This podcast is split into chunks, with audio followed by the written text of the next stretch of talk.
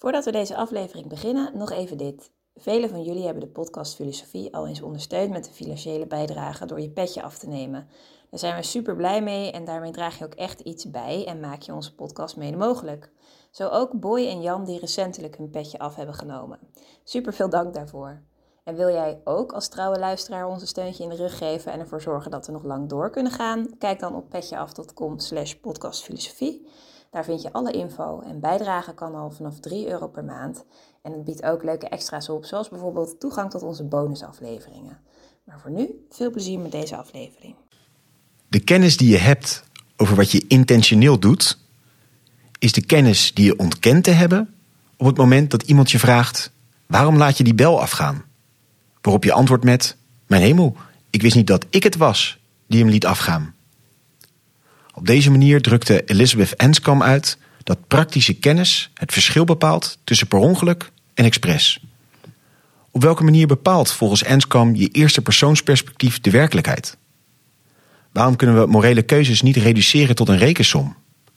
En hoe kan de mens, onderhevig aan natuurwetten, tegelijkertijd vrij zijn? Over deze vragen en nog veel meer gaan we de komende drie kwartier hebben. De gast is Niels van Miltenburg, de denker die centraal staat, Anscombe.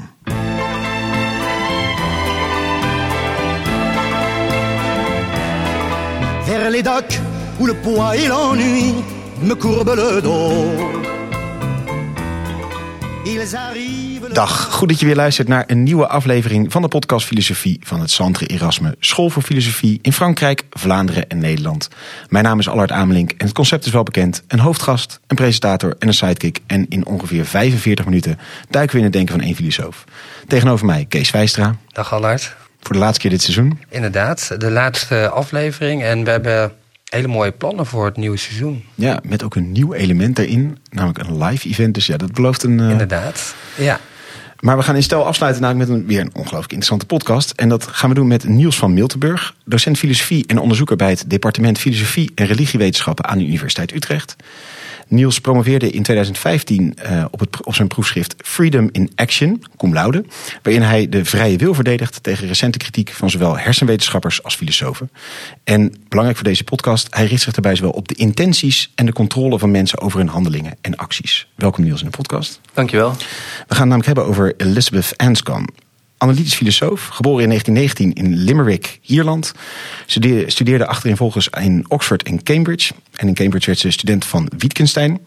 Na drie jaar kreeg ze een aanstelling in Oxford, maar ze bleef intensief contact houden met Wittgenstein. Ze ontwikkelde een vriendschap. Anscombe was volgens Wittgensteins biograaf een exception to his general dislike of academic women. Nou, dat is toch op zich een ja, vreemd soort compliment. Hij wees onder andere haar aan als vertaler van zijn filosofische onderzoekingen naar het Engels. En dat was voordat ze überhaupt nog Duits kon.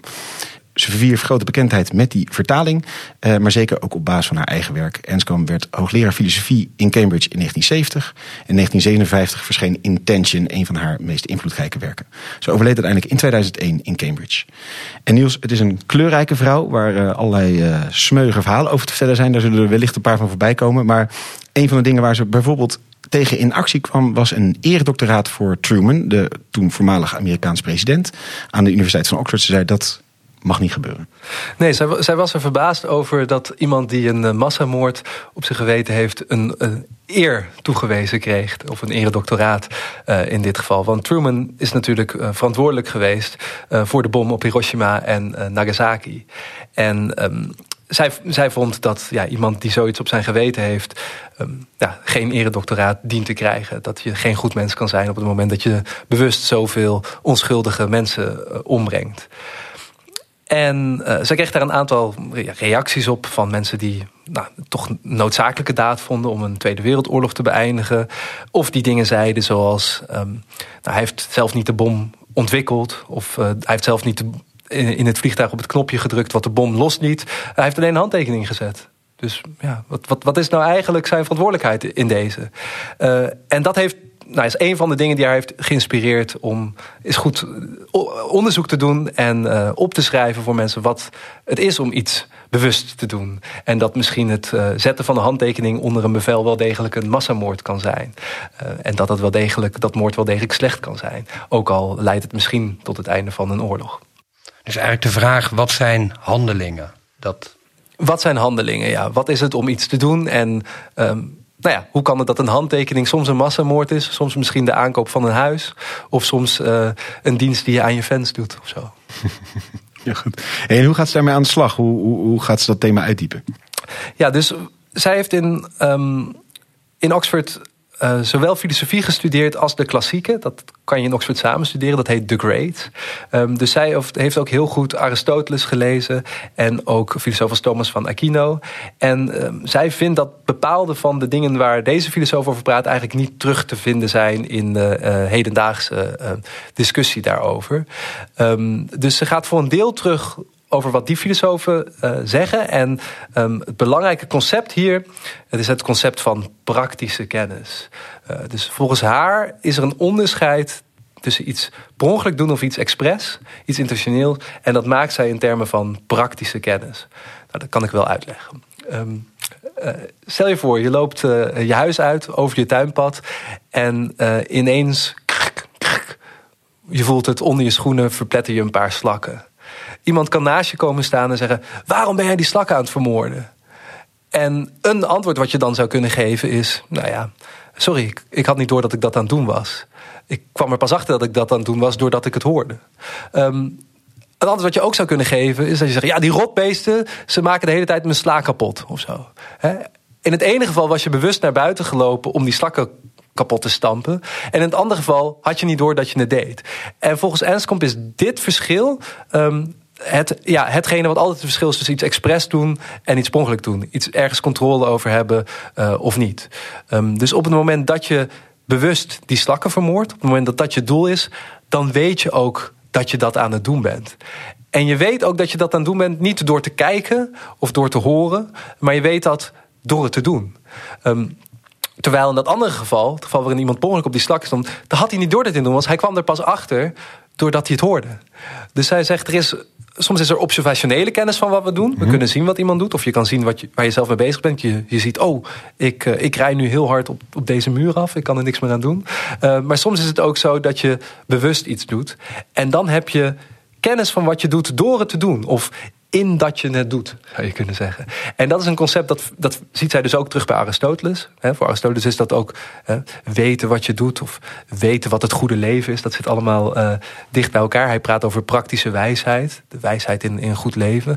En um, zij vindt dat dus ook in hele concrete situaties. En zij zegt het onderscheid tussen um, iets expres doen en iets per doen, iets intentioneel doen, dat zit hem in dat praktische weten. Het praktische weten als in dus het doen weten, zeg maar. Dat is het, het praktische ja, Dus ze maakt een mooi uh, voorbeeld van uh, twee verschillende soorten lijstjes. Um, dus je hebt een boodschappenlijstje en uh, je gaat naar de supermarkt. En um, op dat boodschappenlijstje staat dat jij boter moet kopen.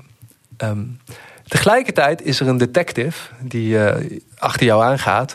En die detective die heeft ook een lijstje. En die schrijft op, weet ik wel, voor de KGB of zo, wat jij allemaal koopt. Um, en ze zegt er is een heel belangrijk verschil tussen die twee lijstjes.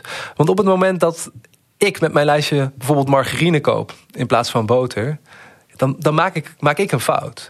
En wat moet ik doen om die fout te corrigeren? Ik moet niet naar mijn lijstje kijken en zeggen: Oh, wacht. Ik heb margarine gekocht. Ik, schrijf, ik streep boter door en uh, schrijf margarine. Nee, ik moet de boter uit mijn karretje halen. En ik moet de margarine. Uh, uh, sorry, de margarine uit mijn karretje halen en de boter erin. Ja. Right? Dit lijstje van de detective is anders. Als de detective per ongeluk opschrijft dat ik um, margarine heb gekocht terwijl ik boter kocht, dan moet hij zijn lijstje veranderen. Um, en zij zegt: zo is het eigenlijk.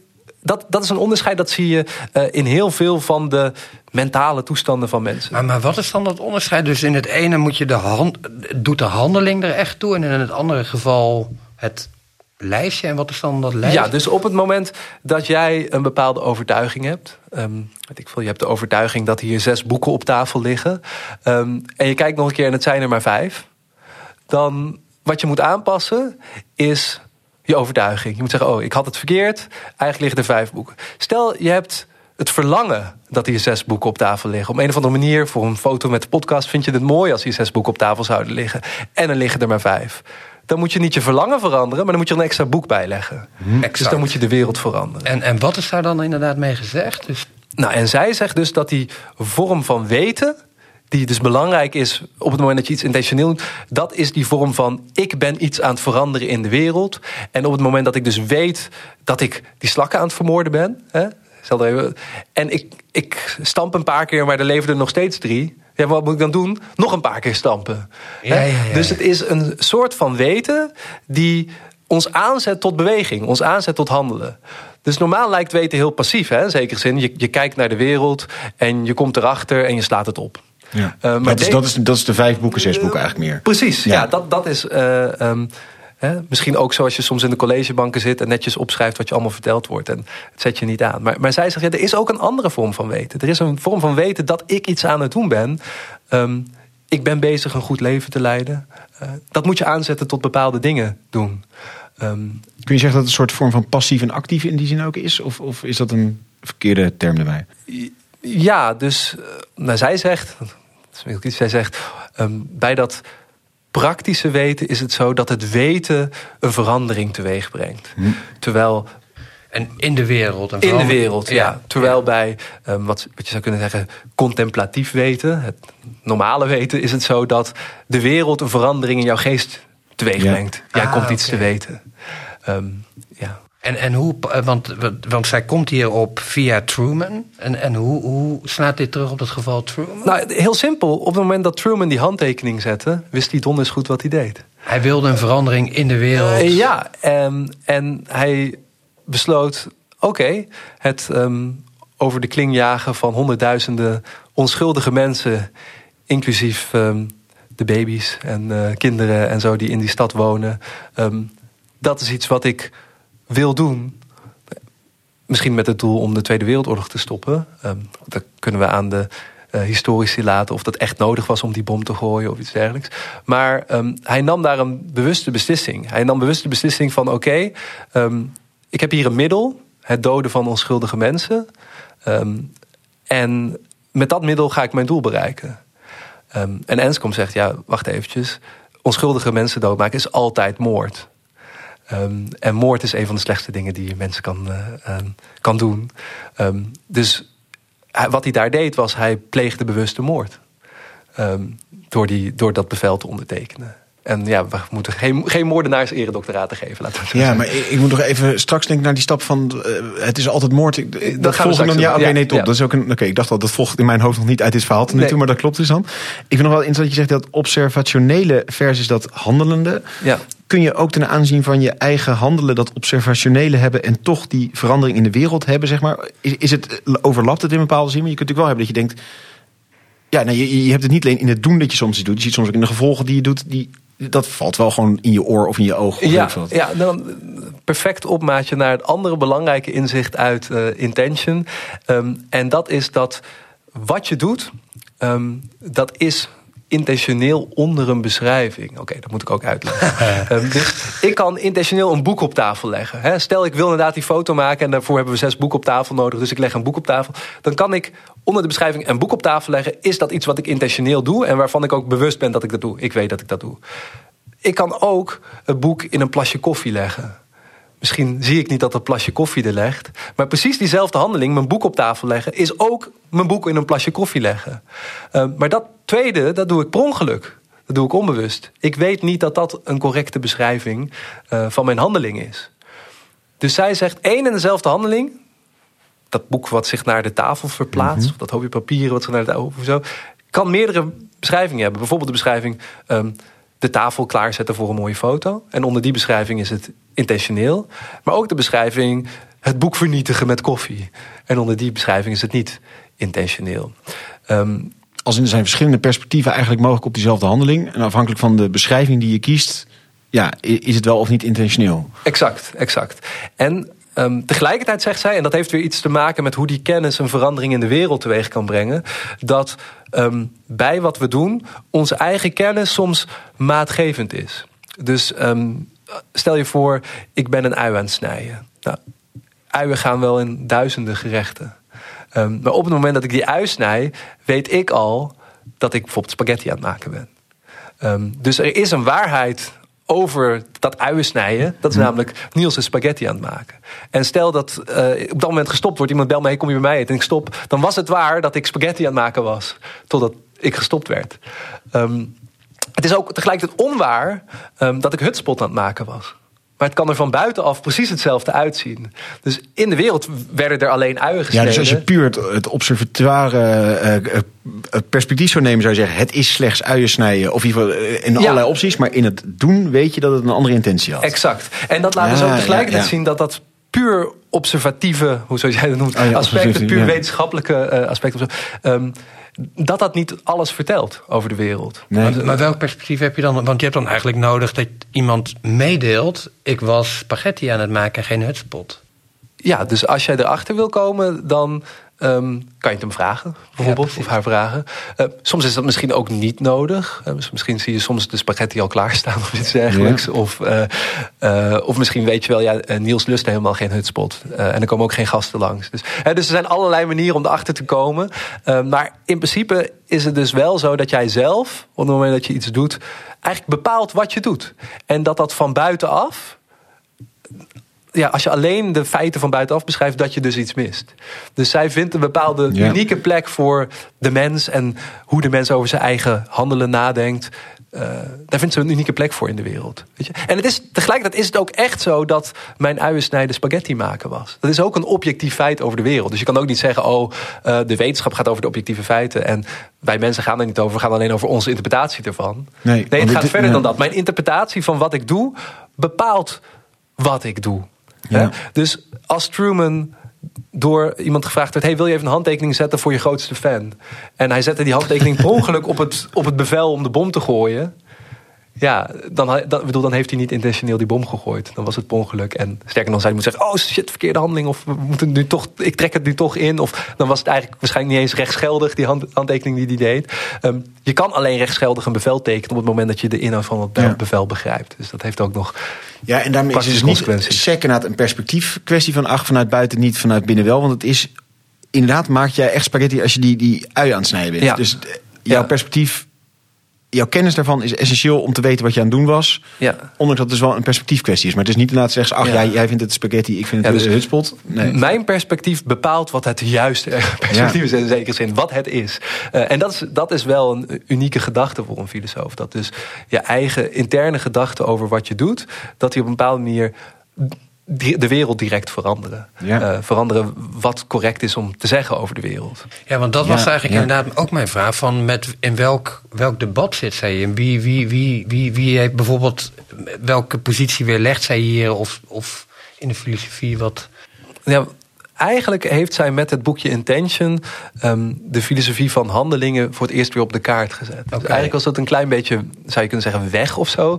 Ehm, en, en ging het veel vaker over bijvoorbeeld directe vragen over ethiek. En werden die ja, misschien in, in tegelijk met vragen over handelingen, werd gelijk verbonden aan wat is dan goed handelen en zo.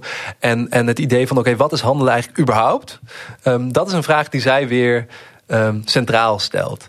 Ehm, en in zoverre ze opponenten heeft, zijn dat dus mensen die na haar gekomen zijn. Dus, dus in En wat zeggen werk- die dan? Wat, eh, wat, Ehm, maar die proberen bijvoorbeeld ehm, dat interne perspectief weg te halen. En, en te zeggen, oké, we kunnen misschien handelingen puur begrijpen... in termen van hoe ze veroorzaakt zijn. Als een handeling veroorzaakt wordt door een verlangen... dan was het een intentionele handeling. Als een handeling veroorzaakt wordt doordat ik schrik... dan was het geen intentionele handeling of zoiets dus die proberen juist wel in een soort van... Nou ja, dat soort van termen. Ja, zo als je ook over dat slakkenvoorbeeld termen. zou kunnen praten van ja, ach, ik keek een andere kant op, ik stapte dan naar buiten en ik was aan de telefoon en daardoor kun je eigenlijk afleiden, de, was het per ongeluk. Ja, dus zij zouden... Die, Dus uit, in, de, in, het, ja, in de chain of events zeg je dan van oh, daaruit kunnen we afleiden dat. En dan hoef je dus niet naar binnen te schouwen in de mens om Nou eigenlijk ja, al te kunnen en, en zij afleiden. zouden zeggen, in het geval dat het dus wel expres was... dan kwam dat omdat je handeling veroorzaakt werd... door jouw verlangen om slakken te doden Ja. of zoiets. Zeg ik. En nou ja, er zijn allemaal dingen weer mis met die theorie in mijn, in mijn ogen. Dus ik vind dat idee van die praktische kennis van Enskop Ja. heel mooi. Maar ehm, ja, op een bepaalde manier... ehm, zijn haar opponenten dus, dus na haar gekomen. En ehm, die hebben ook de overhand gehad. En zij is nu weer een beetje zich gaan terug ja, eh, vechten. Of tenminste... en, en eh, wat staat daar dan op het spel? Eh, menselijke vrijheid, menselijke verantwoordelijkheid. Wat, wat, Ja, dus uiteindelijk denk ik dat het over een hele grote vraag gaat. En dat is ehm, hoe past de mens in de wereld? Ehm, en eh, eh, we weten natuurlijk dat de wetenschap ons allerlei dingen vertelt over ehm, mensen en over de wereld. En er zijn dan ook wetenschappers die zeggen: oké, die filosofie dat gaat nergens over. We moeten, weet ik veel, alles wat we over de menselijke geest of zo willen zeggen, moeten we overlaten aan neurowetenschappers. Het, uh, wij zijn ons brein. Precies, denken. dat bekende ding. Ja. En um, als Enskom gelijk heeft dat mijn eigen gedachten soms bepalen hoe de wereld eruit ziet, dan zet je dat eigenlijk radicaal op zijn kop. Dan zeg je, hé, hey, uh, die, juist die, die binnenwereld of dat eerste persoonsperspectief heeft soms een cruciale rol. Uh, en dan, ja, daar is, lijkt eigenlijk geen ruimte voor in dat, in dat wij zijn nee. ons brein denken. Um, dus uiteindelijk denk ik dat het over een hele grote vraag gaat van oké, okay, hoe hangt Um, hoe hangen wij, mensen, uh, samen met de wereld? Hoe kan het zijn dat wij zowel fysiek van vlees en bloed zijn... als dat wij kunnen nadenken en uh, kunnen liefhebben en verlangens kunnen hebben? En, uh, dat en, soort en van zij vragen. zit daar aan in het kamp van... wij zijn echt wel de auteur van ons handelen, zou je kunnen zeggen. Van... Ja, dus zij... Um, zeker, ja, daar, daar, zit ze zeker... Um, en ze wil ook uitleggen hoe dat wel degelijk samen kan gaan met wetenschappelijke inzichten. Dus ze wil niet uh, zeggen van oké, okay, we moeten de wetenschap maar terzijde schuiven en niet serieus nemen. Maar ze wil uh, ja, het juist hebben over wat wetenschap wel en niet zegt. En wat um, op het moment dat sommige filosofen zich op wetenschap baseren, uh, wat daar daadwerkelijk wetenschappelijk aan is, of wat er eigenlijk verborgen aannames in zijn. Hm. Um, ja, dus dat, dat doet ze in haar latere werk, uh, heeft ze het daar veel over. Maar want uh, die vraag, zeg maar, wat, wat uh, ik het voorbeeld van de spaghetti is voor mij helder, zeg maar, dat je dat ergens dat perspectief nodig hebt. Maar in, op, een, op een meer uitgezoomd niveau, zeg maar, en we zeggen nou, wij zijn ons brein, ik, wat zijn slechts neuronen die met elkaar in contact staan. Waar, hoe kun je daar dan in, op dat niveau, zeg maar, dan die, die impact van het eerste persoonsperspectief daarin plaatsen. Je, je kunt natuurlijk ergens altijd daar weer een stap buiten zetten en zeggen: ja, maar ook dat is uiteindelijk maar een verschijnsel wat in de neuronen plaatsvindt, zeg maar, op dat niveau plaatsvindt. Ja, dus die intentionaliteit kun je altijd weer ja, ja. erin stoppen, zeg ja, maar. Ja. Um, ja, dus dat zou dan betekenen dat je wel een soort van neutrale beschrijving van de situatie kan geven, waarin je ook alle neuronen erbij beschrijft, ja. waarin je kan zeggen: oké, okay, dus het was intentioneel of niet, onder die beschrijving of zoiets ergens. Ja, um, weet je, zo praten we niet over neuronen, toch? Nee. Ik bedoel, uh, over neuronen praten we als gebeurtenisjes op een bepaald moment, uh, die oorzakelijke verbanden met elkaar hebben, et cetera. En over gedachten praten we al, helemaal niet als per se op een bepaald moment of zo. Je zegt, oh, ik had vandaag tussen 12 en 10 over 12 had ik een gedachte. Nee, zo praat je er niet over. En we praten ook niet over oorzakelijke verbanden of ruimtelijke verbanden, maar we praten over logische verhoudingen. Ja. Hoe gedachten elkaar beïnvloeden. Um, uh, welke gedachte een reden is om weer wat anders te denken. Dus we hebben het ineens over redenen en niet over oorzaken. Um, dus het is gewoon een hele andere manier van kijken. Ja. En uh, ja, zij legt dus de nadruk op dat, dat perspectief. En ja, op het moment dat je zou zeggen, ja, dat kunnen we ook allemaal reduceren tot verhalen over neuronen. Nou, dan zou ik zeggen, ja, laat maar zien dan hoe. Op het moment Ja. dat je goede reductie hebt gegeven, ben ik overtuigd. Maar weet je, ik, ik, zie, ik zie niet in hoe, Nee. hoe, hoe, dat, hoe dat gaat gebeuren. En misschien is het wel goed, hoewel het wat later in haar carrière is om omdat we nu over dit onderwerp hebben, daar, daarover te hebben. Ja, Dus- want straks moeten we nog even hebben naar waarom moord sowieso fout is. Precies, we gaan het straks over, over de, de ethiek hebben. Maar laten Ja, we het dan toch. nog eerst even over dit onderwerp. Dat ik eigenlijk stiekem interessanter vind. Eh, maar zij zegt dus, kijk... ehm, Wittgenstein, haar grote eh, leermeester, die beschrijft ergens eh, blaadjes die in de wind heen en weer gaan. Maar die blaadjes weten ook wat ze doen op een bepaalde manier. De- wind blaast ze naar links en zeggen ze, oeh, nu gaan we naar links. En dan blaast de wind ze naar rechts en zeggen ze, oeh, nu gaan we naar rechts. En op een bepaalde manier is dat van die blaadjes puur een soort van een observatie van wat ze aan het doen zijn. Ehm, niet die praktische kennis, maar juist die observationele kennis. Ja, van, ik merk dat dit gebeurt. Ik merk, ja, exact. Ehm, maar op het moment dat je daadwerkelijk kennis kan hebben van... oké, dit is iets wat ik aan het doen ben... in plaats van dit is iets wat mij overkomt... Ja, dan lijkt je misschien een soort van plek te hebben om te zeggen... hé, hey, als je kan weten dat hetgene wat je nu doet... iets is wat jij aan het doen bent... dat lijkt wel verdacht veel op... hé, hey, er is ruimte voor vrije handeling. Er is ruimte om zelf te bepalen wat er gebeurt. Er is een verschil tussen... Nou, alles is in de wereld bepaald. Of alles ligt al vast. Ehm, en alles wat er gebeurt overkomt me slechts. Ik ben een slachtoffer van wat er in mijn brein gebeurt of wat dan ook. Ehm, nee, op het moment dat je echt kan weten dat wat jij nu aan het doen bent, dat dat iets is wat jij doet en wat niet eh, al vast lag sinds de Big Bang of wat dan ook, dan is dat, dan is dat niks anders dan vrijheid. Ja. Dus handelen met praktische kennis is eigenlijk niks anders dan vrij zijn, dan vrij handelen. En, en dat is dus een, een, een moment, of, of in ieder geval de mogelijkheid dat jij jezelf dat realiseert. Van, Ja, het is dus als hij gelijk heeft dat iets expres doen, weten dat jij het doet, is, dan is dus elke handeling die je expres doet tot op zekere hoogte vrij. Ehm, ja, ja, en dat is een zelfinzicht of zo? Hoe, hoe, Kun, kun je dat ook niet hebben, zeg maar? Bedoel je dat niet? Ja, Van, ja, van, of kun, je ook iets onbewust doen? Dus zeg maar, of eh, wat lijkt te zitten in het bewust handelende, maar dat je er niet bewust van bent dat je er bewust van bent. nou ja, dus bijvoorbeeld. Ja, dus bijvoorbeeld? Nou, ja? bijvoorbeeld als ik dat boekje op tafel leg, stel het is jouw boek en ik leg hem in de koffie. Ja, kan jij heel boos worden over dat ik hem in de koffie leg. Maar als ik dat niet wist, dat ik dat aan het doen was. Hè, dan, dan moeten we er al een discussie over hebben. Dan kan ik zeggen, ja, ik wist dat niet, dus dat was niet iets wat ik vrij deed. Nou, dan wordt het heel ingewikkeld. Dan zou je kunnen zeggen, ja, maar je had het moeten weten. Kijk nou uit Ja. je dop, je ziet die... En dan kom je wel in een ingewikkelde discussie. Maar in principe is daar natuurlijk wel, wel ruimte voor. En er zijn natuurlijk ook nog allemaal vormen van het afnemen van vrijheid. Weet je, ik kan ook een pistool op jouw hoofd zeggen en zeggen... eh, eh, of tegen, tegen hem zeggen van, eh, oké... als jij nu niet doet wat ik zeg, dan schiet ik je sidekick dood. Ja. Nou ja, dat beperkt jouw vrijheid in wat je kan kiezen. Eh, zeer. Ja. Maar aan de andere kant, op het moment dat jij zegt: Oké, ja, sorry, ik vind mijn podcast belangrijker, dus ik stop niet met opnemen. Schiet er maar dan is dat ook wel je vrije keuze. Ja. Dus eh, er zijn, eh, vrijheid is op zich een heel moeilijk ding om over te praten. Maar als je zegt, zoals Enskamp, van er is zoiets als praktische kennis. En die kennis is weten dat jij een verandering teweeg brengt in de wereld. Dat is een soort van basis, denk ik, om een, om een theorie van vrijheid te ontwikkelen. En een van de dingen die zij dus in haar latere werk doet, is uitleggen hoe, ehm, hoe dat perspectief hoe dat samen kan gaan met wat de wetenschap ons vertelt. Hè? Dus er zijn wetenschappers die zeggen: ja, al onze.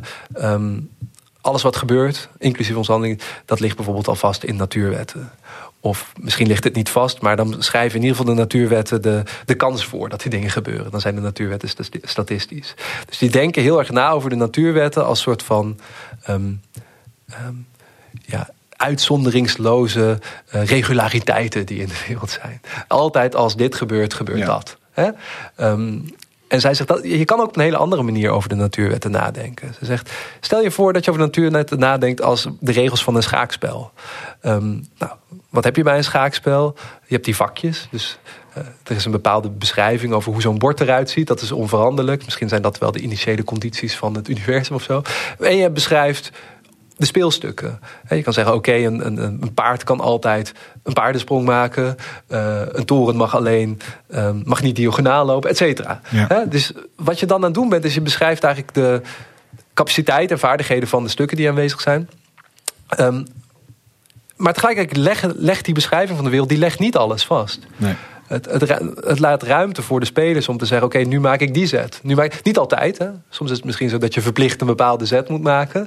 Ehm, Ja, of dat je een smaller eh, optie hebt of bredere opties. Precies, ja. en het verbiedt dat je bepaalde dingen doet. Je kan niet je koning ineens helemaal naar de andere kant van het bord zetten of iets dergelijks. Dus er zijn wel degelijk beperkingen. Maar die beperkingen zijn niet zodanig dat op het moment dat je twee verschillende dingen kan doen, dat een van die twee een soort van breken van de natuurwetten is. Ja. En zo denkt zij ook na over ehm, eh, de natuurwetten. Net zo dus eh, we zeggen dingen als het, eh, ehm, het kookpunt van water ligt op 100 graden. Nou, dat zou zo'n beschrijving kunnen zijn die lijkt op oké, een paard moet altijd de paardensprong bewegen. Ehm, maar zij merkt ook op, ja, tegelijkertijd ligt het kookpunt van water natuurlijk helemaal niet, heel vaak niet op 100 graden. Als je een beetje zout in doet, of als je het onder eh, lage druk doet, ligt het helemaal niet op 100 graden. Weet je? Dus het zijn helemaal geen uitzonderingsloze eh, Nee. eh, regulariteiten. Maar toch vertelt het je iets over water, doordat je zegt dat het kookpunt van water ligt, ligt op 100 graden. Dus zij heeft in haar latere werk een soort van manier van nadenken over wat wetenschap ons vertelt. Die tegelijkertijd ruimte laat voor, voor mensen om ook dingen te doen. Zoals de spelers in het schaakspel nog steeds zetten, kunnen, kunnen Ja. zetten. Ja, dus dat vind En ik uiteindelijk is ook met, met die versmallende context. Je zegt nu even het extreem voorbeeld van een pistool tegen mijn hoofd om Kees niet eh, om te leggen. Ja. Maar dat kan natuurlijk ook zijn week voor je opvoeding en de eh, maatschappelijke Juist, context ja, waar je ja. in opgroeit. Dat geldt ook. Dat zijn ook ja, versmallers of verbreders van je vrijheid. Zo zou je Ja. daarover kunnen Maar nadenken. daarbinnen heb je altijd weer. Ja, of Ja. nieuwe regels in het schaakspel, maar daar kun je nog steeds moet je schaken als het ware. Je moet dat spel nog wel spelen. Ja, dus het is een beetje afhankelijk van hoe, hoe erg je denkt dat je niet van je opvoeding kan loskomen. Ja. Dus misschien zijn er dingen in je opvoeding die onbewust nog doorwerken. Ja, als het onbewust is, ja, dan wordt het moeilijk om er iets aan te doen. Misschien voel je dat ergens, ga je naar een psycholoog en maak je die dingen bewust om ze toch te veranderen of zo. Hè? Dus het, echte leven veranderen de regels misschien soms ook een beetje. Ehm, maar in ieder geval is het zo dat. ehm, het feit dat de lichtsnelheid iets onveranderlijks is of zo, eh, dat dat niet betekent dat wij geen vrijheid Nee, hebben. Of zo. precies. Nee. Dus in ieder geval zijn die, die hele. ehm, Dichtgetimmerde determinisme is gewoon ja, onlogisch. Nergens voor, nergens voor nodig eigenlijk. in ieder geval is dat niet wat de wetenschap je vertelt. Nee. Zij zegt de wetenschap geeft je bepaalde. Maar daarbij komt dan een soort van filosofisch verhaal van sommige mensen die nadenken over wat zijn dan natuurwetten. En daaruit komt het idee voor dat alles vast ligt. We zeggen, Ja. nou, dat filosofisch verhaal is mis, maar met wetenschap is niks mis. Laten we scheikunde gaan doen. Laten we kijken wat, wat ding. Laten we eh, biologie gaan doen en kijken hoe dieren beschreven worden en processen daarin. Ehm, dus dat vind ik een, een hele soort van prettige manier van kijken naar. ehm, eh, ja, naar wetenschap. Eh, dus dat je niet bij alles denkt, oké, wetenschap probeert alles plat te slaan tot natuur. Nee, maar er is ook in de wetenschap wel degelijk ruimte voor, ehm, nou ja, bijvoorbeeld dat menselijke eerste persoonsperspectief. Ja, precies. Sterker nog, dat is cruciaal bij uh, Enscom Ja, ja filosofie. zeker, Ja. zeker. Dan nu naar de moord. Ja, laten we dat doen. Ja. Want, hoe, hoe zat dat ook weer met die Nou, moord? dat was namelijk met, met Truman. Nou, die heeft dus inderdaad, echt met praktische kennis heeft hij een, een handtekening intentioneel gezet in een verlangen om, nou, laten we positief gezegd, een oorlog eh, te beëindigen. Eh negatief gezien is misschien dan een, een intentionele massamoordenaar. Dat, dat Ja. zullen we dus eh, door de historici moeten horen. Maar moord is altijd verkeerd, zei uh. Ja. Ja, linksom of rechtsom. Ja, ja, dus het is wel belangrijk. Dus misschien zou je nog kunnen zeggen: zijn, zijn ehm, doel, het beëindigen van de Tweede Wereldoorlog, laten we zeggen dat dat echt zijn doel was. ehm, dat is een prima doel. Ja. Ehm, en er zijn misschien verschillende middelen die hij daarvoor had moeten kiezen, eh, kunnen kiezen. Dus er wordt wel eens gezegd van. ja, het is goed dat hij de bom heeft eh, gegooid, want anders had hij via de grond een invasie moeten doen in Japan. En waren er misschien nog wel veel meer mensen dood gegaan. En eh, zoiets dergelijks. Ehm, maar zij zegt, ja, ik weet niet of dat zo van belang is. eh, het aantal mensen wat, wat doodgaat of zo. Hier wordt een soort van bewust gekozen als middel het, het ombrengen van onschuldigen. Ja. Ehm, dus zij zegt niet. Ze is geen pacifist. Dus ze zegt niet, je mag nooit doden of zoiets dergelijks. Eh, er zijn wel degelijk contexten waarin je eh, kunt doden. Bijvoorbeeld oorlog. Eh, ehm, andere strijdkrachten. weet je, ja, ze zegt, die zijn niet onschuldig. Dus het is heel belangrijk dat ze zegt, het, het doden van onschuldigen is altijd moord. Ehm, nou ja, dan moet je natuurlijk een verhaal hebben over wat, wat schuldig zijn is eh, of niet. Maar ehm, nou ja, de vraag is, moeten we dat eigenlijk wel hebben? Want het is in het geval van Hiroshima en Nagasaki heel duidelijk dat daar gewoon onschuldigen dood. Weet je, die mensen hadden niks te maken. ehm, zeker die, bijvoorbeeld de kinderen niet. Nee. eh, hadden niks te maken met, eh, ja, met wat het leger van Japan deed. En zij zegt, ja, dat is moord. Ehm, en weet je, je wil niet zeggen dat dat goed is of oké. Zelfs als je zou zeggen, en ik bedoel, daar is, ben ik en zij denk ik ook niet van overtuigd, eh, dat het een goed resultaat heeft. ehm, en wat op geen andere manier had gekund, dan nog blijft het moord. En, en daar zit iets verkeerds in. Hè? Dus, ehm, En waarom zit daar iets verkeerds in? Wat, wat, wat, wa- waar positioneert ze zich dat? Po- po- Positioneert ze dat? Of plaatst ze dat? Of, of fundeer- fundeert ze dat? Is dat een algeheel gegeven of zet ze dat filosofisch ergens vast, zeg maar? Ja, dus dan is het misschien goed om te kijken naar het, het andere werk ehm, wat zij heeft geschreven. Dus ze heeft dat intention geschreven, wat je zou kunnen zeggen, dat is het theoretisch verhaal over wat handelingen dan zijn. En ze heeft een andere tekst geschreven die heet Modern Moral Philosophy. Dat is een van haar andere meest invloedrijke teksten. Ehm, die heeft ze een jaar later geschreven. Ehm, en één aanleiding was dat verhaal met eh, Truman. En eh, één aanleiding was dat zij een cursus eh, ethiek overnam van Philippa Foot, een van een, andere beroemde filosoof uit die tijd. Ehm, en dat ze dus allerlei moderne ethische theorieën, nou, het Oxford in de jaren 50 eh, las. En ehm, zij had alleen als bagage die grote denkers uit het verleden, Aristoteles en Thomas van Aquino. Ehm, en zij kon niet zoveel met die moderne ethische theorie. Ze vond daar nogal een hoop, een hoop mis mee. Ehm, en een van de dingen die. Nou, ja, het gebeurt heel erg veel in het artikel, dus het is best moeilijk om daar zo zeggen. Maar een van de dingen die zij daar aanvalt is een consequentialisme. En consequentialisme, dat is trouwens de term die zij bedacht heeft. Uh, dat Oké, okay. dus haar, dat is utilisme, daar heeft er ook iets mee te maken. Ja, of? dus utilisme was misschien de term die consequentialisten zelf gebruikten. Ah, oké. Okay. Voor een subgroep van consequentialisten. Maar zij, zij zegt breder alle, um, alle moraalfilosofie of uh, ethiek die um, kijkt naar of een handeling goed of slecht is in termen van de gevolgen, dat is consequentialisme. Hm. En zij ja, vond dat een beetje gek. Dus um, om een heel radicaal voorbeeld te geven, stel dat door een of ander toeval um, de gaskamers op de lange termijn uh, een positief effect zouden hebben. Zouden ze daarmee plotseling zouden moreel oké okay zijn? Precies, ja, ja moreel oké okay zijn. Uh, um, ja, stel er is iemand in de gaskamers omgekomen die een nog veel grotere massamoord had gepleegd als die niet was omgekomen of iets dergelijks. Uh, maakt dat daarmee die gaskamers oké? Okay? Ja. Uh, nee, natuurlijk niet, uh, zou je eens zeggen. En in dat Modern Moral Philosophy heeft ze kritiek eigenlijk op hedendaagse filosofen die praten over een moreel moeten. Want zij merkte op, oké, okay, het woord moeten, dat komt niet alleen moreel voor. Je kan hem ook zeggen, moeten kan je ook gebruiken voor... je moet met mes en vork eten. Of um, je, ik moet een beetje afvallen. Zo dat is ook allemaal moeten. Maar um, deze moderne stroming proberen een moreel moeten centraal te stellen.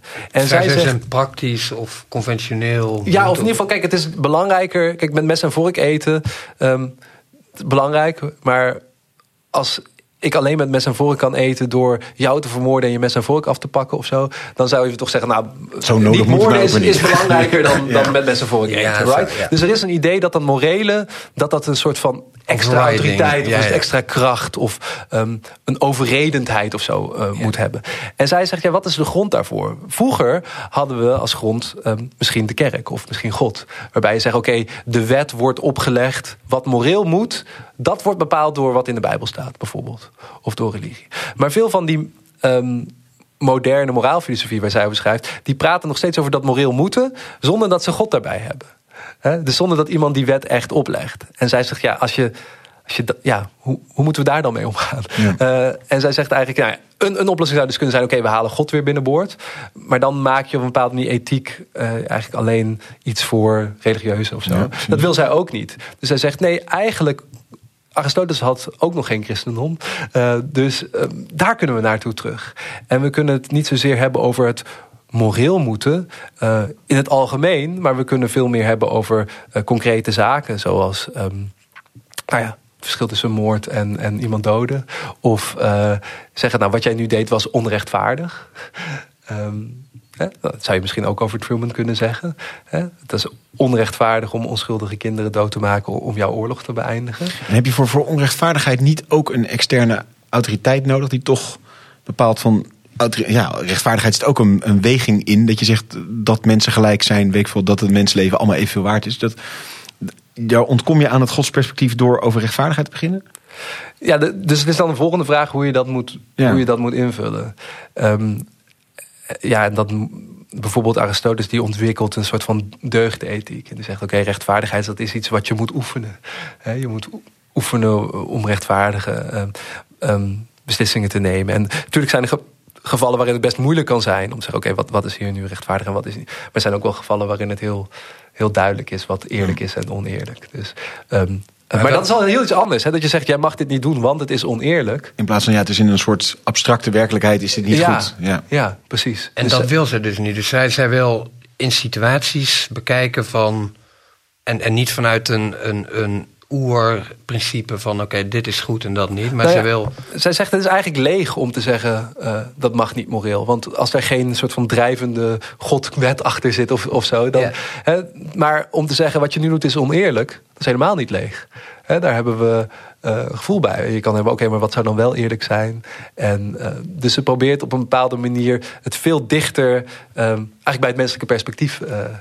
Maar goed, ook, ook in zo'n situatie heb je toch uh, moet je toch vanuit een bepaald principe oordelen of redeneren. Of, of ik, ik, ik, het is voor mij nog niet helemaal helder hoe ze, welk probleem ze nu oplost. Want oké, vroeger had je God en, en die, die, daar kon je een ethiek aan ontlenen. Nu heb je God niet, maar je hebt nog steeds een ethiek nodig. Ja. En, en wat je trekt in ieder geval één niveau eh, dichterbij. Maar in dat niveau dichterbij moet je alsnog Ja, toch? Je moet nog steeds wel die rechtvaardigingsgrond nou ja, kijk, Stel jij belooft mij iets uh, en je houdt je aan die belofte. Um, je vragen, waarom deed je dat? Doe je dat puur uit angst voordat God je later gaat straffen als je niet aan je beloftes houdt? En uh, is dat moreel?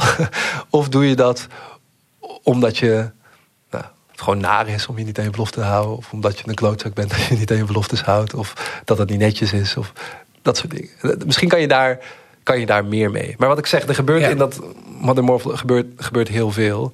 Um, en in ieder geval lijkt zij dus bijvoorbeeld te zeggen: ja, kijk niet alleen naar die consequenties. Zoals bijvoorbeeld nee, uh, uh, Truman Day.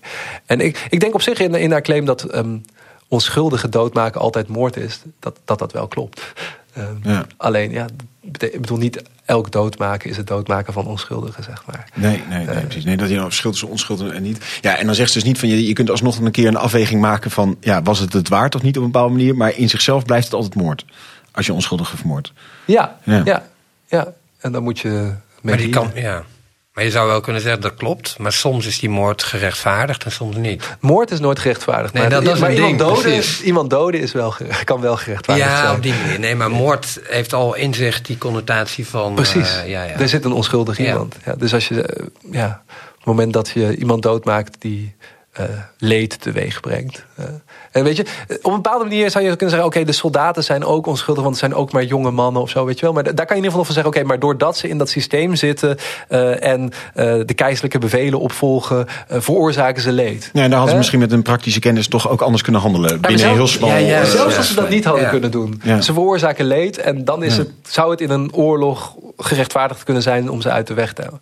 Maar een bom gooien op een stad met mensen die ja, die, die niet direct leed veroorzaakte, ja, dat, dat kan gewoon niet. Nee. Uh, dat is gewoon verwerpelijk. Um, zelfs als je daar hogere doelen mee, mee nastreeft. Ja. Dus uh, ik denk dat zij wel zou zeggen: oké, okay, eigenlijk hadden we. Stel nou, ik denk, ik denk historisch dat het niet klopt. En ik denk dat er, nou ja, dat er meer redenen zijn waarom uh, die bom op Hiroshima en op Nagasaki verkeerd was. Uh, maar stel dat het verhaal zou kloppen dat of die bom, of we moeten de invasie doen en de invasie heeft nog veel meer slachtoffers. Ik denk dat Enscom zou zeggen: doe toch maar die invasie. Hm. Want als die slachtoffers, slachtoffers zijn die in een rechtvaardige oorlog vallen, is dat beter dan die onschuldige, dan die onschuldige ja. uh, slachtoffers. Ook al zouden het er meer zijn. Dus het hele idee dat je het getal altijd moet laten nee, is ook weer een soort consequentialisme inderdaad van dat je zegt ja, is een soort van ja, consequentialisme. Ja, maar is het zelfs. Ja, ja. En, en, en um, uh, je hebt in filosofie gaat het vaak over die, die trolley-gevallen. Van oké, okay, ja. op de ene rails liggen vijf mensen, op de andere één. Wat moet je doen? En dan zijn sommige mensen zeggen: ja, je moet altijd dan die ene pakken. Maar stel je voor, die, die ene, dat is jouw vrouw of jouw kind. En je kiest ervoor om die vijf. Heb je dan iets moreel fouts gedaan? waarschijnlijk zit je in een situatie waar je überhaupt moreel weinig kan.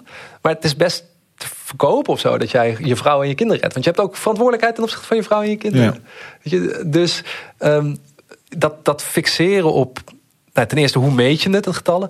Uh, uh, maar ten tweede, dat fixeren op getallen, ja, dat, daar, daar is het niet zo van. Nee, helder. En je zegt, nou, moet God dan weer binnenboord gehaald worden om het dan te funderen? Misschien een, een zijstap de richting naar haar vrij sterke katholieke overtuigingen ook, die we tot nu toe helemaal onbesproken hebben gelaten. kun je iets schetsen van welke rol dat inneemt in haar leven? Is dat, een, ja, ja, is dus, dat op een bepaalde manier terug te zien in haar hele werk of eigenlijk helemaal niet? Of, ja, dat is inderdaad. Misschien komt voor de gemiddelde luisteraar als een verrassing, namelijk nu kan ik me voorstellen, oh, ja. omdat die helemaal niet genoemd hebben. Maar... Ja, dus aan de ene kant zou je zeggen, oké, okay, Enscom, dat is wel een, een, een, een feminist of zo. Hè. Ze is een van de eerste, samen met Iris Murdoch, uh, die, die, ja, die de academische bolwerk in Oxford en Cambridge eigenlijk opschudt. En ook durft op te staan tegen de dans die Truman als een, ja, een beetje old boys network een, een, een eredoctoraat willen geven. Uh, en daarmee zichzelf willen venereren of zo, weet ik veel. Ja, dat mooi um, over een restaurant waar ze niet mocht komen ja, in een broek. Ja, en dus een ander mooi voorbeeld is dat ze inderdaad een lezingenreeks in uh, uh, de Verenigde Staten deed. En in die tijd, uh, chique restaurants daar, was het niet. mocht je als vrouw geen broeken dragen. Terwijl zij droeg altijd broeken. Dus toen zei een keer zo'n maître tegen haar van... sorry mevrouw, maar vrouwen mogen hier geen broeken dragen. Toen zei ze, oké, okay, geen probleem. En toen trok ze de broek uit en liep ze het restaurant in in de, in de slip.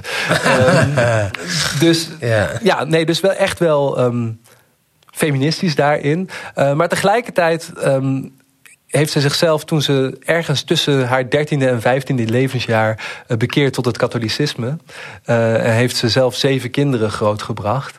Ja, niet, niet als thuiszittende moeder, maar als, als werkende ehm, vrouw in, ehm, in Oxford en Cambridge. sterker nog, haar man, ook een beroemde filosoof, Peter Geach, die die had een paar keer posities op andere plekken in Engeland. Birmingham, dat was degene die moest reizen. En ze bleven wonen uh, waar ze woonden. Dus uh, wat dat betreft, um, ja, stellig en, en, en, kwam ze daarvoor op. Maar tegelijkertijd was ze ook heel uh, scherp in de katholieke overtuigingen. Ook daar zag je weer wel diezelfde neiging om uh, de mannen die dachten dat ze de moral high ground hadden, um, het moreel allemaal wel wisten, om die aan te vallen. Dus veel van haar um, ja, van haar filosofisch-theologische werk in, in de katholieke gaat ook daarover. He, dus uh, spreekt priesters aan die bepaalde dingen goed praten die eigenlijk niet kunnen volgens katholiek dogma. Um, maar daar is ze dus ook zeer strak in, uh, in het dogma. Dus zij heeft wel degelijk heftige dingen geschreven tegen abortus, tegen um, anticonceptie, tegen homoseksualiteit. Um, Tegen homoseksualiteit ja, Ja, ah, ja, die, uh, um, nou, waar, waar ik me niet in kan vinden. Nee, nee, maar... Um, uh, dus wat dat betreft zit er een soort van ja, enorm progressief iets in haar of zo. maar ook in een enorm uh, conservatief iets. En, en lukt het jou om die dingen eens bij elkaar te denken via haar werk, zeg maar? Of? Nou ja, dus, dus één reden is, of één ding wat je kan, kan aanstippen is misschien het... Eh,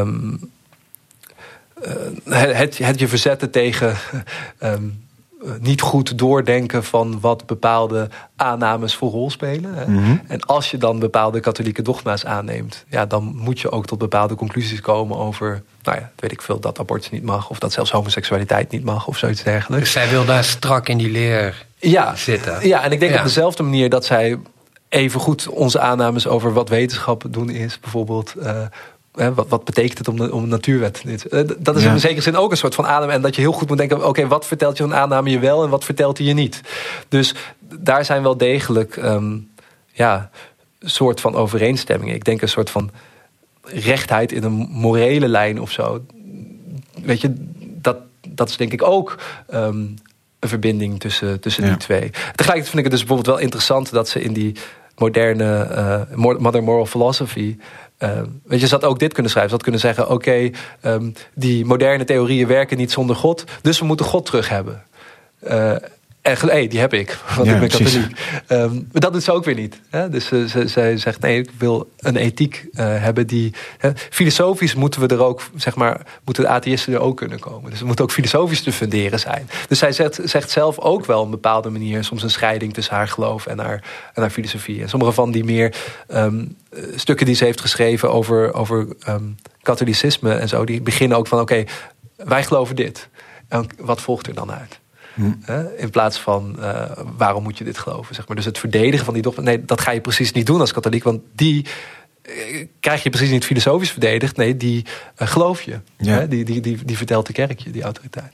Dus in die zin is het misschien wel met elkaar. Um, ja, met elkaar in overeenstemming te brengen. En tegelijkertijd zijn er ook verhalen van dat ze zelf. Um, uh, vaak schold bijvoorbeeld. En uh, uh, ja, taalgebruik wat, wat soms, wat soms niet, niet, niet kon. er is een mooi verhaal dat zij um, blijkbaar toen een van haar zeven kinderen een keer ernstig ziek was, tot God bad en zei van oké, ik, ik zal stoppen met roken, want ze was een kettingroker, met het roken van sigaretten op het moment dat. Um, uh, dat u zorgt dat dit overgaat. En um, dat ze een jaar later toen de stress hoog werd, dacht hm, ik heb alleen gezegd sigaretten. Dus ik kan nog best sigaar en pijp roken. Dat deed ze dan ook tot het latere leeftijd. Maar dit is misschien uh, binnen het schaakspel wat ze had gezien. Ja, kon het nou paard nog wel een andere kant op bewegen. Ja, ja. dus, dus, dus zeker rechtlijnig en, um, en consequent, uh, et cetera. Maar uh, ja, misschien hier en daar ook wel met een knipoog, dat weet ik niet. Ik, ik heb het er niet gekend, maar... Um, ja, dat, tegelijkertijd is dat rechtlijnig natuurlijk in de filosofie denk ik wel weer heel goed. Op het moment dat je echt ja, recht op je doel afgaat en, en heel duidelijk voor ogen probeert te houden wat, wat wel en niet volgt uit een bepaalde stelling of een bepaalde claim. Uh, et cetera. Maar dat is uh, voor mezelf ook om die dingen bij elkaar te brengen in mijn hoofd. Uh, dat katholicisme en, ja. en, en wat betekent, want ik, ik, ik weet niet of we daar nog tijd, maar de, de, want Ens komt nu, zeg maar, of nu.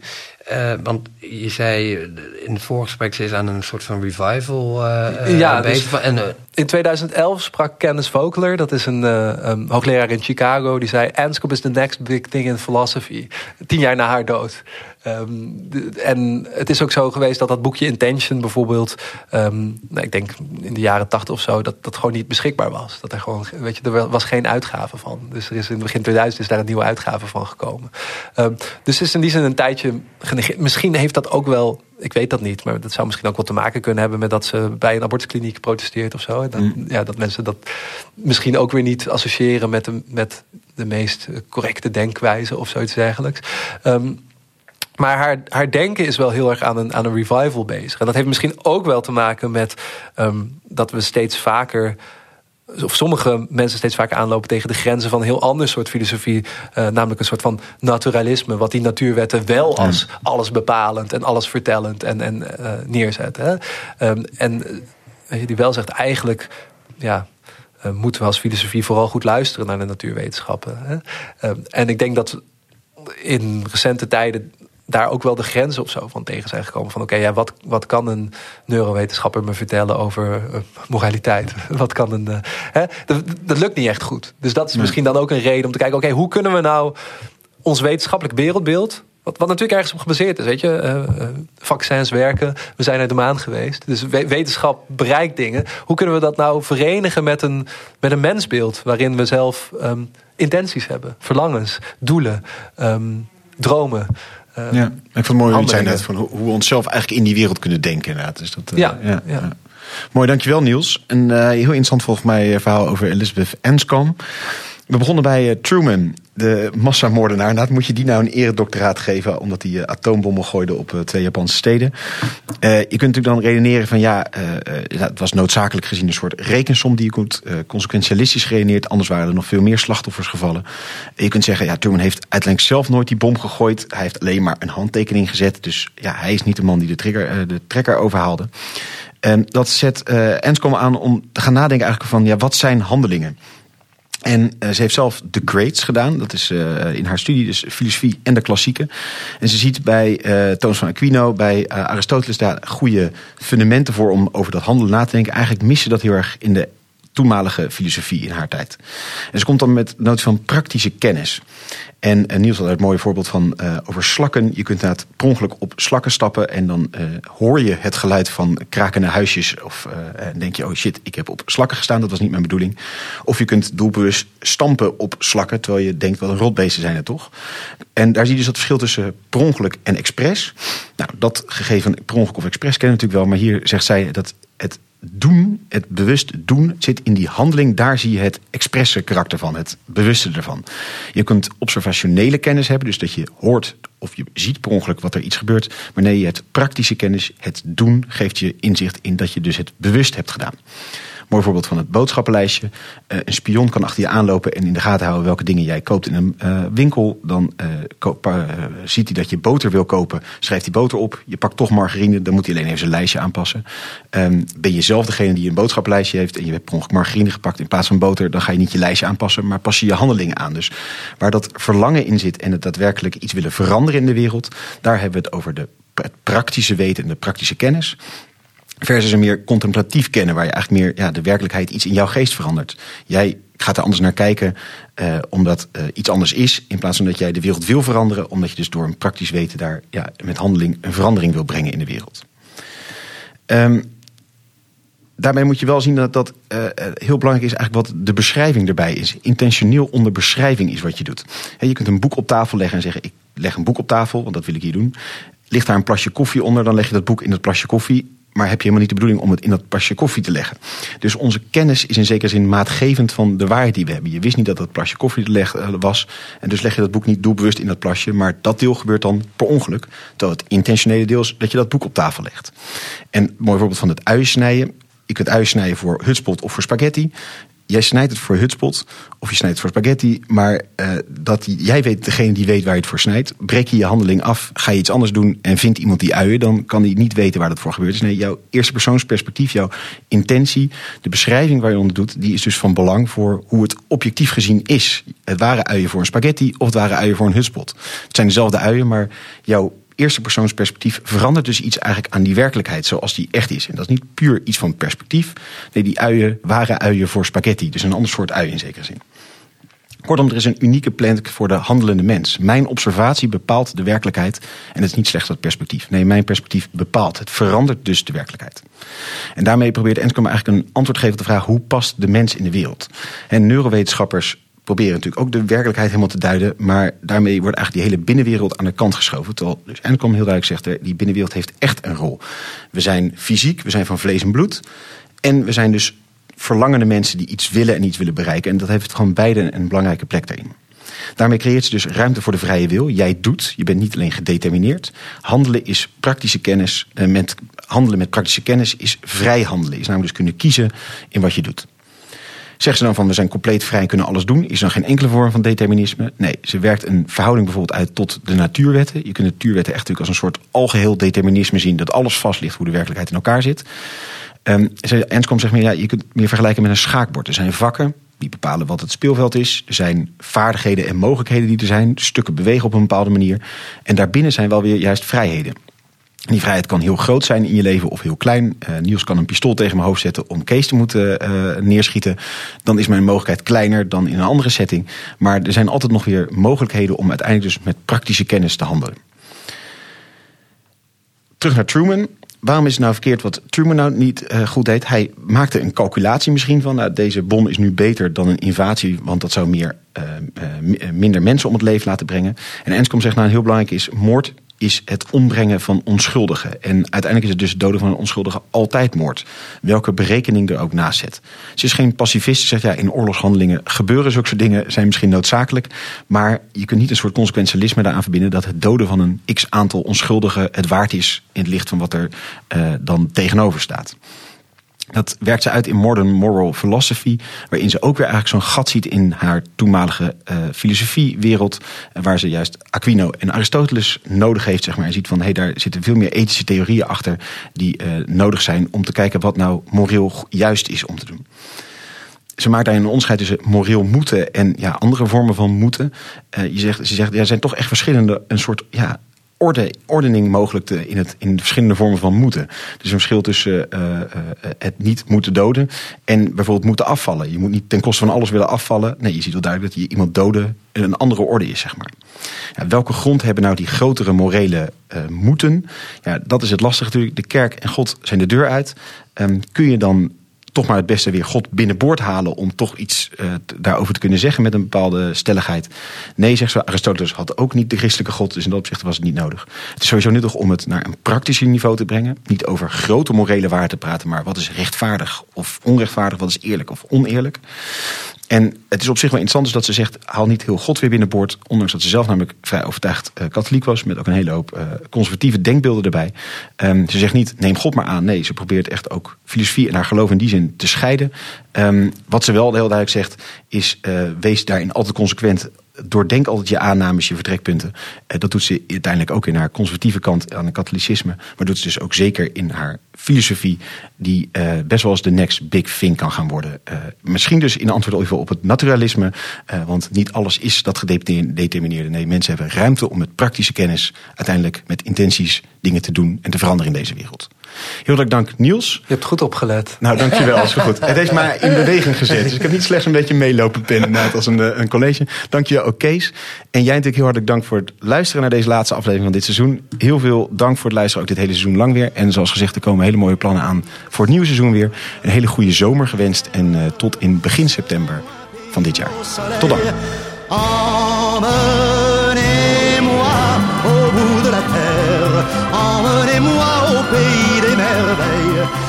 song.